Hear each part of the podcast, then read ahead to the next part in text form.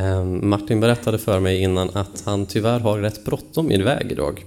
Så vi ska försöka hålla oss på en timme. Men eh, jag är ju väldigt snabb och effektiv så det ska inte vara något problem.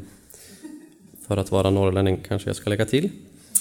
Ehm, jag ska läsa predikotexten så slipper han läsa den själv. Så har vi sparat några minuter. Ehm, jag ska plocka fram den här. Eh, kan vi få den på skärmen också? Så är det lättare för er att minnas den efteråt. Det är från Jesaja kapitel 35, hela kapitlet. Öknen och ödemarken skall glädja sig, hedemarken fröjda sig och blomstra som en lilja. Den skall blomstra skönt och fröjda sig, ja, fröjda sig och jubla. Libanons härlighet skall ges åt en, Karmels och Sarons prakt. De ska få se Herrens härlighet, vår Guds majestät. Stärk kraftlösa händer, styrk vacklande knän. Säg till de försagda, var starka, frukta inte. Se, er Gud kommer med hämnd, vedergällning kommer från Gud. Han kommer själv och frälser er. Då skall de blindas ögon öppnas och de dövas öron upplåtas. Den lame skall hoppa som en hjort, den stummes tunga ska jubla. Ty vatten skall bryta fram i öknen, strömmar på heder, hedmarken. Den glödande sanden skall bli en sjö, den torra marken vattenrika källor. Där schakalerna har sina lyor skall det växa säv, vass och bambu. En banad väg, en vandringsled, ska gå där och den ska kallas den heliga vägen. Ingen oren ska färdas på den, men den är till för dem. De som vandrar den vägen ska inte gå vilse, även om de är dårar. Lejon ska inte finnas där, rovdjur ska inte komma dit. Det ska inte finnas där, men de återlösta skall färdas på den. Herrens friköpta skall vända tillbaka och komma till Sion med jubel. Evig glädje skall kröna deras huvuden. Fröjd och glädje skall de få, sorg och suckan skall fly bort.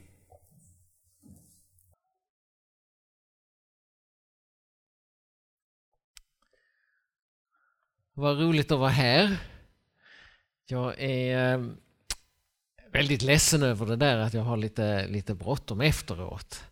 Och Nina är också ledsen, min, min, min fru. Jag hade sett fram emot att få träffa många här. Ehm, det har med mitt jobb att göra. Jag reser sällan i mitt jobb men den här gången var jag tvungen att göra det i, i, i eftermiddag. Men jag, jag kompenserade det genom att vara här en halvtimme innan.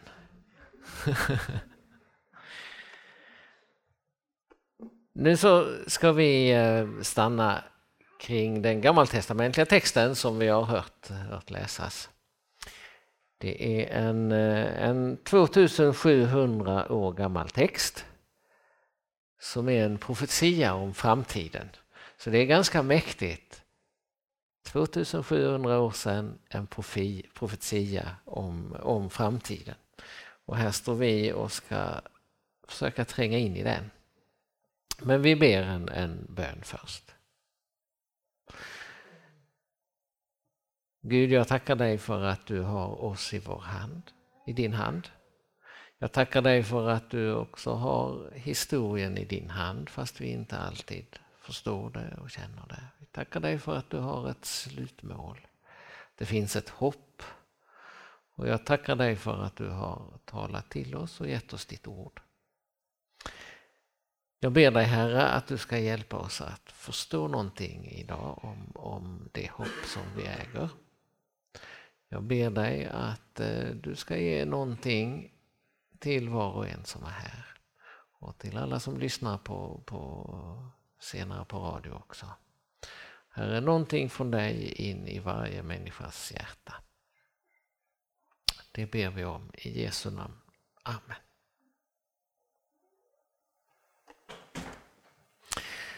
Kommer ni ihåg texten? Jag vet, jag vet hur det kan vara. När predikan börjar så funderar man på vad var det egentligen för text som, som lästes. Men vi ska vandra igenom den tänkte jag, så jag, jag repeterar efterhand vad det, vad det står. Ödemarken ska glädja sig. Öknen ska blomstra som en lilja. Så börjar det. Ödemarken ska glädja sig och öknen blomstra som en lilja. Vad, vad betyder det? Kan man fundera på. Först av allt kan man nog tänka det är rent konkret faktiskt. Bibeln talar ju om en ny jord. När det gäller kroppens uppståndelse för, för oss, oss människor så talar ju Bibeln en del om den och, och Paulus eh, skriver i, i första Korintierbrevet 15, där tar han den här bilden av ett, eh, ett frö. Man lägger ett frö i jorden, det är människans kropp. Och så växer det upp en ny växt. Det kan vara ett så litet frö som ett granfrö som blir ett så väldigt träd som en, som en gran. Det är annorlunda men det är på sätt och vis detsamma. Det har sitt ursprung i det här fröet men som sen har fått blomma ut i sin fulla potential. Eh, när det gäller skapelsen så, eh, så verkar det vara lite på samma sätt. Jesus talar om när Människosonen sätter sig på sin tron, då när världen föds på nytt. Inte att det är en ny abstrakt himmel som inte har någon förbindelse med det som har varit utan faktiskt att världen föds på nytt. Och när Paulus talar i Romarbrevet 8 så talar han om att hela skapelsen är lagd under förgängelsen men, men, eh, men längtar Skapelsen väntar ivrigt på att Guds barn ska uppenbaras. Skapelsen har ju blivit lagd under förgängelsen, inte av egen vilja utan genom honom som lade den där under. Ändå finns det ett hopp att också skapelsen ska befrias från sitt slaveri. Under förgängelsen och nå fram till Guds barns härliga frihet. Vi vet att hela skapelsen ännu samfällt suckar och våndas. Och inte bara den, utan också vi som fått anden som förstlingsfrukt. Också vi suckar inom oss och väntar på, på barnaskapet, vår kropps förlossning.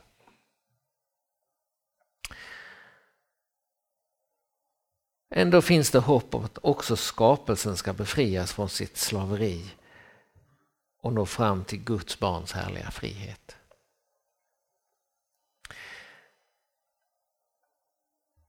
Och när det talas om en ny jord som Petrus gör i, i Andra Petrobrevet 3 och i Uppenbarelseboken 21 och, och 1 så säger de som kan språket säger att det är inte frågan om en fullständigt ny värld utan förbindelse med den gamla.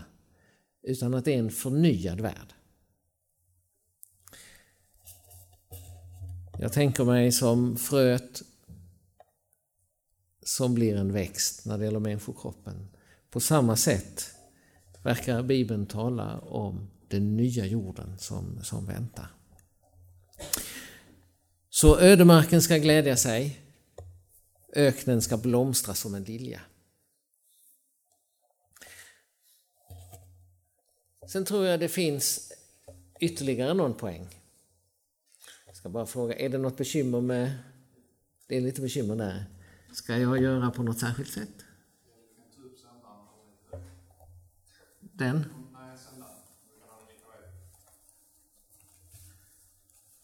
Det är en sån fuskkavajficka så det går inte. Vi provar så. Är det...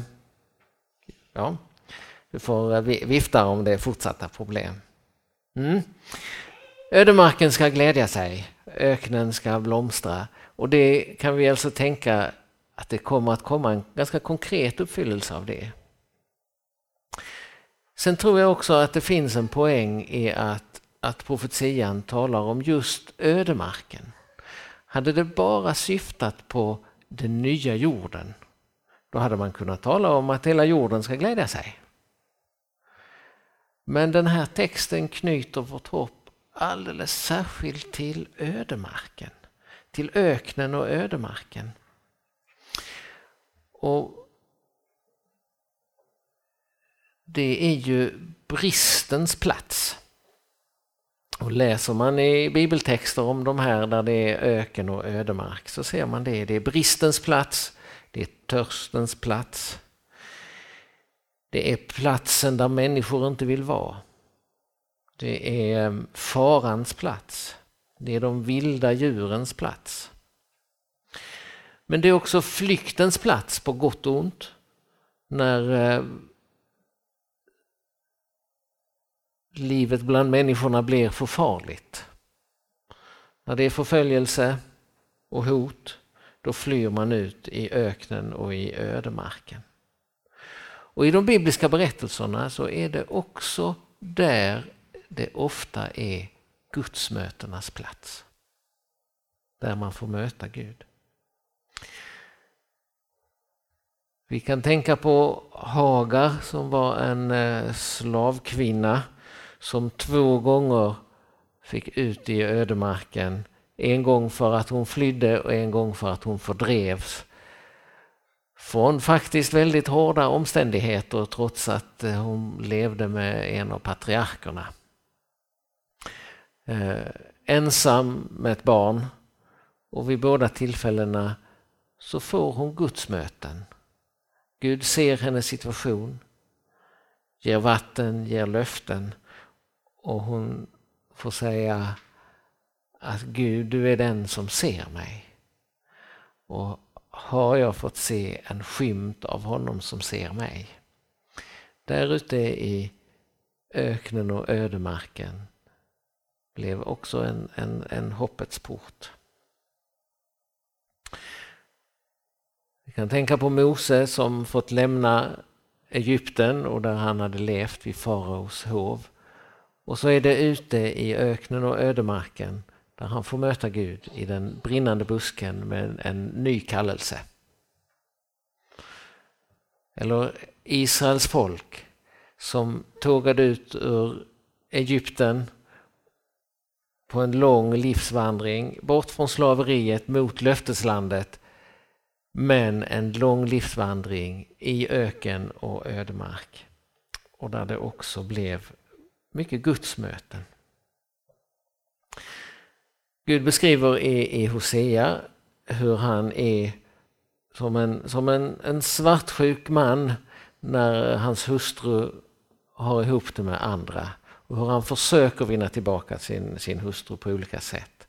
Och det sista han tar till där det är jag ska locka henne bort och föra henne ut i öknen och tala till hennes hjärta. Tala ljuvligt till henne stod det i den gamla översättningen. Men ut i öknen, ödemarken, för att nå fram till hennes hjärta.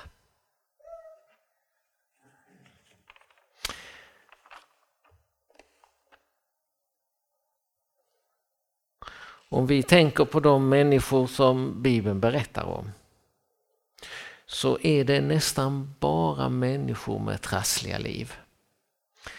Kanske är ni väldigt präktiga här i, i eket och inte har så mycket trassel i era liv. Och då har jag det tråkiga beskedet att det finns inte många bibliska föredömen för er. Inga bibliska förebilder. Utan det är väldigt mycket trassel i människornas liv. Vi kan tänka på kvinnan vid Sykars brunn. Som vi, om henne får vi veta, och hon själv får veta, fast hon vet det så innerligt väl, att fem män har hon haft och den hon har nu är inte hennes egen. Det är inte hennes man.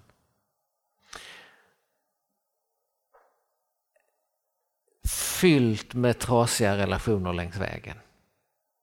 Är hennes liv. Fyllt med trasiga relationer. Om till henne citerar Jesus faktiskt den här texten vi har läst. Att det ska flöda källor ur hennes liv. För den som tar emot det levande vattnet. Så ska det flöda källor ur, ur hennes liv. Och hur många människor har inte funnit tröst? Vågat vända sig till Jesus i sin nöd?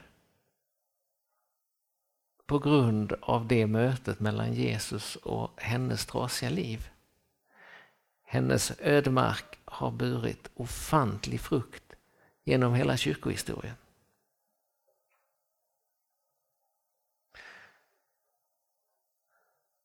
Vi kan tänka på Paulus. Om vi nu tar en som vi kanske har en bild av som en superfrommis. Och det är han ju på sätt och vis. Men han hade också ett väldigt tungt bagage att släpa på. Han skriver om det till sin andlige son Timoteus. Han skriver om hur tacksam han är över att att eh, Jesus har ansett honom förtroendevärd att vara i hans tjänst. Så skriver han, fastän jag förut var en hädare, förföljare och våldsman.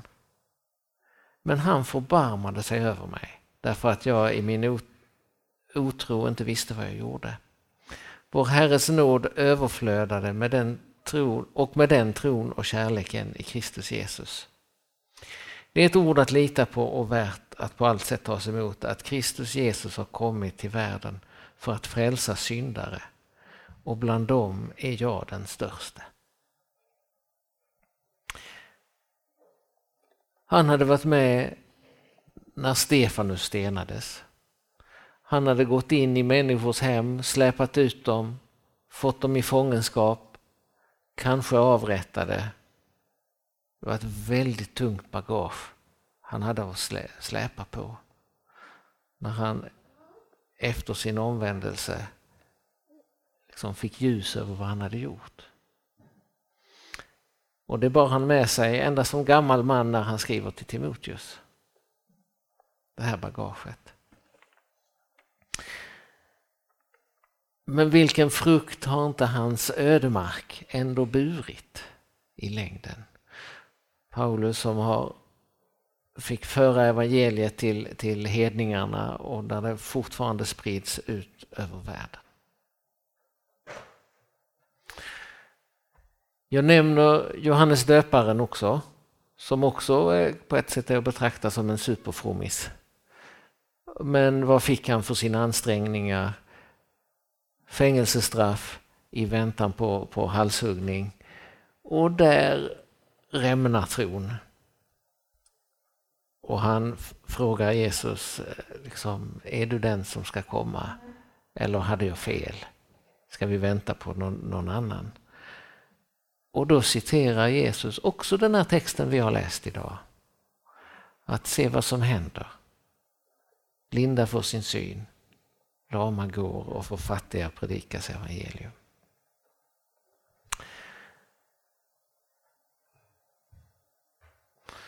Så den formulering som vi har i texten den sätter hoppet rakt in i vår ödemark. Och jag, jag vet inte din ödemark. Det kan vara ensamhet, kan vara känslor av skuld och skam, relationsproblem eller något annat som, som tynger. Och det kan vara mycket i det som är, är fel, mycket i det att bekänna. Men när Jesus får komma in där så finns det också ett hopp om att till och med din ödemark en gång ska få blomstra som en, som en lilja. Och det är i den här texten eh, fantastiska formuleringar för det är inte bara att hela en brist. Det står om den stumme, det står inte att den stumme ska börja tala. Det står att den stumme ska jubla. Det står om den lame, inte att den lame ska gå. Det står att den lame ska hoppa som en hjort. Det står inte att öknen äntligen ska få regn. Öknen ska bli en mark med källor som själv ger vidare vatten. Det står inte om den brända marken att den ska svalna och kanske återfuktas. Nej, den ska få bli en sjö. Det är långt mer än att läka en brist. Den ska verkligen få blomma ut. Sen fortsätter texten med att säga liksom, varför kan detta ske? Hur kan detta ske? Jo, för de ska få se Herrens härlighet, vår Guds majestät. Det är för att Herren kommer. Det är som att hans närvaro förvandlar omständigheterna, tingen, världen.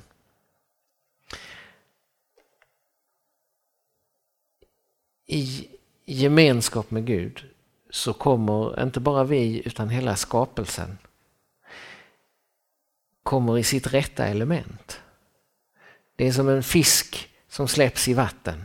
Den är i sitt rätta element och plötsligt är det något helt annat än tidigare. Som en fågel som får luft under vingarna. Eller kanske ännu bättre som en fjärilslarv som kommer ut ur puppan som en, som en fjäril. Guds närvaro har en förvandlande kraft. När Johannes talar om, om eh, det eviga hoppet i sitt första brev så säger han att vi, vi vet vad vi är nu, vi är Guds barn. Men vad vi ska bli, det vet vi inte riktigt. Men det vet vi, att vi ska bli honom lika. Ty vi ska se honom sådan han är. När vi får se honom sådan han är och han är nära, då är det en sån förvandlande kraft att vi kommer att bli honom lika.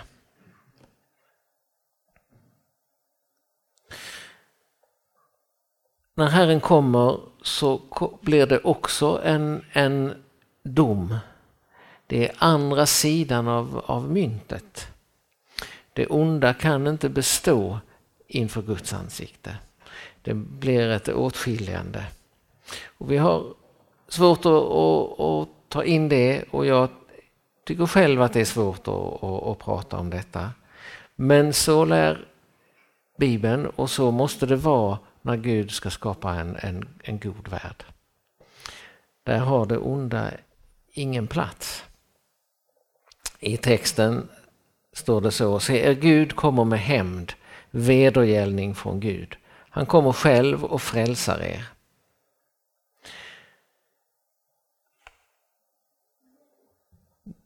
Det är eh, sagt ur segerns perspektiv. Herren kommer och frälsar oss. Och vi kan tänka på alla människor som lever i en dramatiskt ond situation. Vi hör rapporter från IS-kontrollerade områden hur man korsfäster människor, hur man halshugger människor, hur man torterar människor. Eh, det finns ett rop på att Herren ska komma, att Herren ska komma också med vedergällning och hämnd. Detta ska inte få fortgå.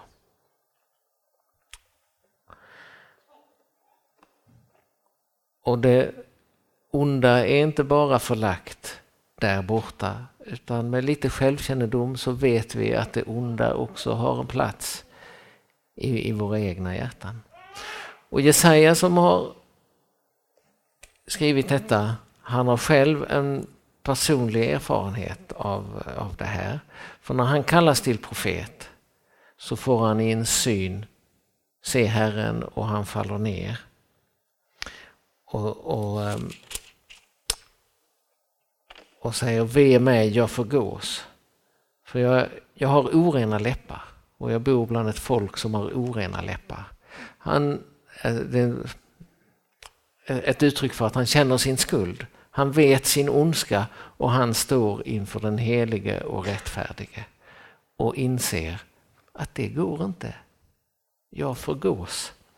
Precis som i texten, fröjd och, äh, sorg och suckan flyr när Herren kommer, eh, står det i texten.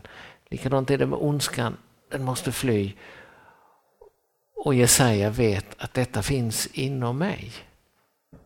Denna ondska. Och det är ett sånt härligt evangelium för att en av seraferna tar ett glödande kol från altaret och rör vid, eh, vid eh, profetens mun och säger att när detta har rört dig så har din missgärning tagits ifrån dig och din synd är försonad. Ett evangelium från, för oss som har Nya Testamentet, från det stora offret Jesu död på korset, så finns denna möjlighet att få komma inför Gud. Din missgärning är borttagen och din synd är förlåten. De här orden är sagda inte, inte för att skrämma utan som tröst. Eh, för det står stärk kraftlösa händer, styrk vacklande knän, säg till de försagda, var starka, frukta inte. Se Gud kommer. Stärk kraftlösa händer, styrk vacklande knän och säg till alla försagda, var starka och frukta inte. Det kan vara, vara, vara på sin plats att påminna om i vilken situation säger Jesaja den här profetian eller låter Gud den här profetian komma.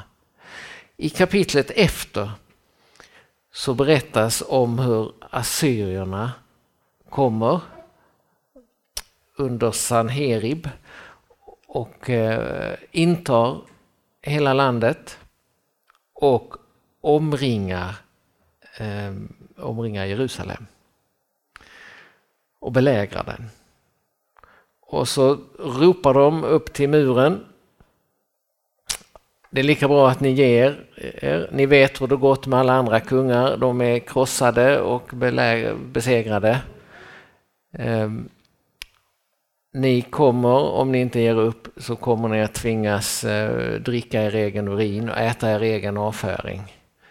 Och ledarna i Jerusalem säger, ja, ni behöver inte skrika det här på vårt språk, vi förstår ert. Och de säger att ni tror väl inte att det är för att ni ska höra det som vi skriker på ert språk, utan det är för att alla på muren ska veta vad som väntar er. Ehm, och kung Huskia eh, blir förtvivlad.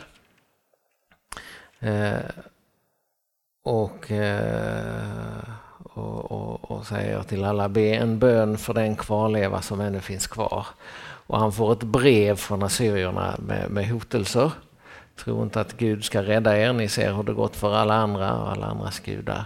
Och han tar det här brevet och eh, i sin förtvivlan brer han ut det inför Guds ansikte, står det. Det här brevet, som, som om man säger läs själv Gud, läs, läs mitt, eh, vårt bekymmer här. Eh, och så ber han. Det är liksom inför en sån här situation som Gud har låtit den här profetian komma. Inför den totala katastrofen, hotet om katastrofen, så ska man ha detta med sig. Herren kommer, Herren kommer och då ska vi få blomma ut. Hela skapelsen och hela världen ska få blomma ut. Och också att det blir en ände på det onda. Det blir en gräns för det, det onda. Sen kommer ett, ett fantastiskt stycke i, i, i texten. För det är, handlar om en väg. En banad väg, en vandringsled ska gå där och den ska kallas den heliga vägen. Och det här är liksom det tredje stället som, som Jesus faktiskt citerar den här texten kan man säga. Han säger jag är vägen. Jag är vägen. Eh, och det står här att den är banad, den är färdig och den är gjord. Eh, så det är bara att, att gå den. En väldig befrielse för alla oss som inte själv förmår att förvandla våra livs ödemarker. Det finns en väg till den blomstrande marken och den är redan gjord, den är banad. Och så kommer detta fantastiska evangelium som måste låtit obegripligt utan evangelium. Att denna den heliga vägen, ingen oren ska färdas på den, men den är till för dem. Ingen oren ska färdas på den, men den är till för dem. Det är ett evangelium att ta, ta, ta till sig. Och så står det om tryggheten på den vägen. Allt det där som förknippas med ödemark. Faran att gå vilse. Nej, den finns inte längre. Inte ens om man är en dåre. Inte ens om man är dum i huvudet. Nej, går man på den vägen så kommer man inte vilse. Och rovdjuren, allt det där som man kan vara rädd för, som hör ödemarken till, de ska inte nå en på den vägen. Lejonen ska inte finnas där, rovdjur ska inte komma dit. De ska inte finnas där.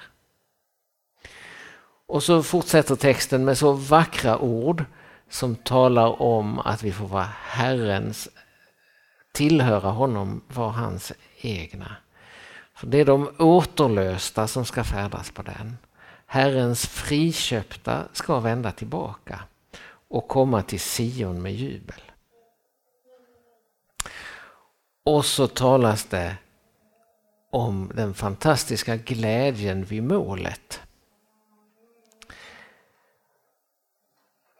Herrens friköpta ska vända tillbaka och komma till Sion med jubel.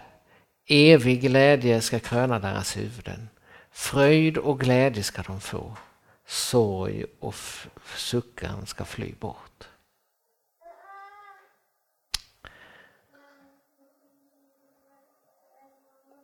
Och sen kommer belägringen. Hur gick det med den? Hur gick det med den? Ja. Herren svarar på kung Hiskias bön och slår flera tusen av eh, assyriernas soldater. Och de bestämmer sig för att avbryta belägringen och dra hemåt. Rena sagor, sa man länge.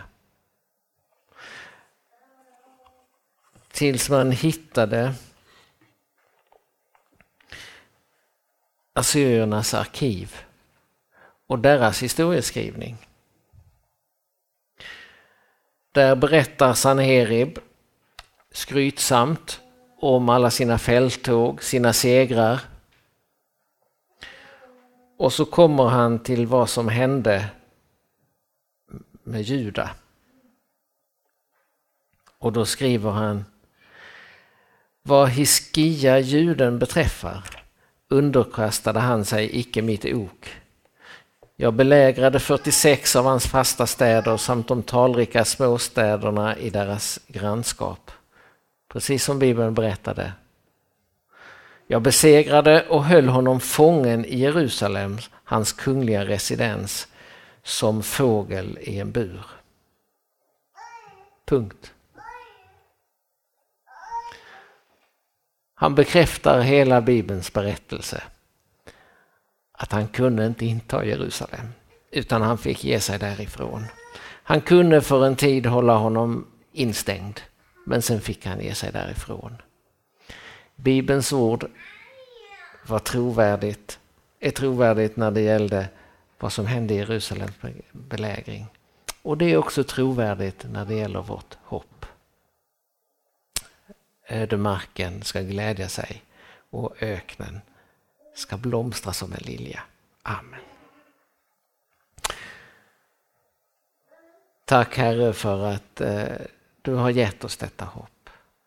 Vi tackar dig för att du har gett oss denna väg dit. Vi ber dig Herre om hjälp att vandra på den vägen. Och vi ber om ditt sällskap varje steg vi tar. Och tack för att det också är precis vad du har lovat. Amen.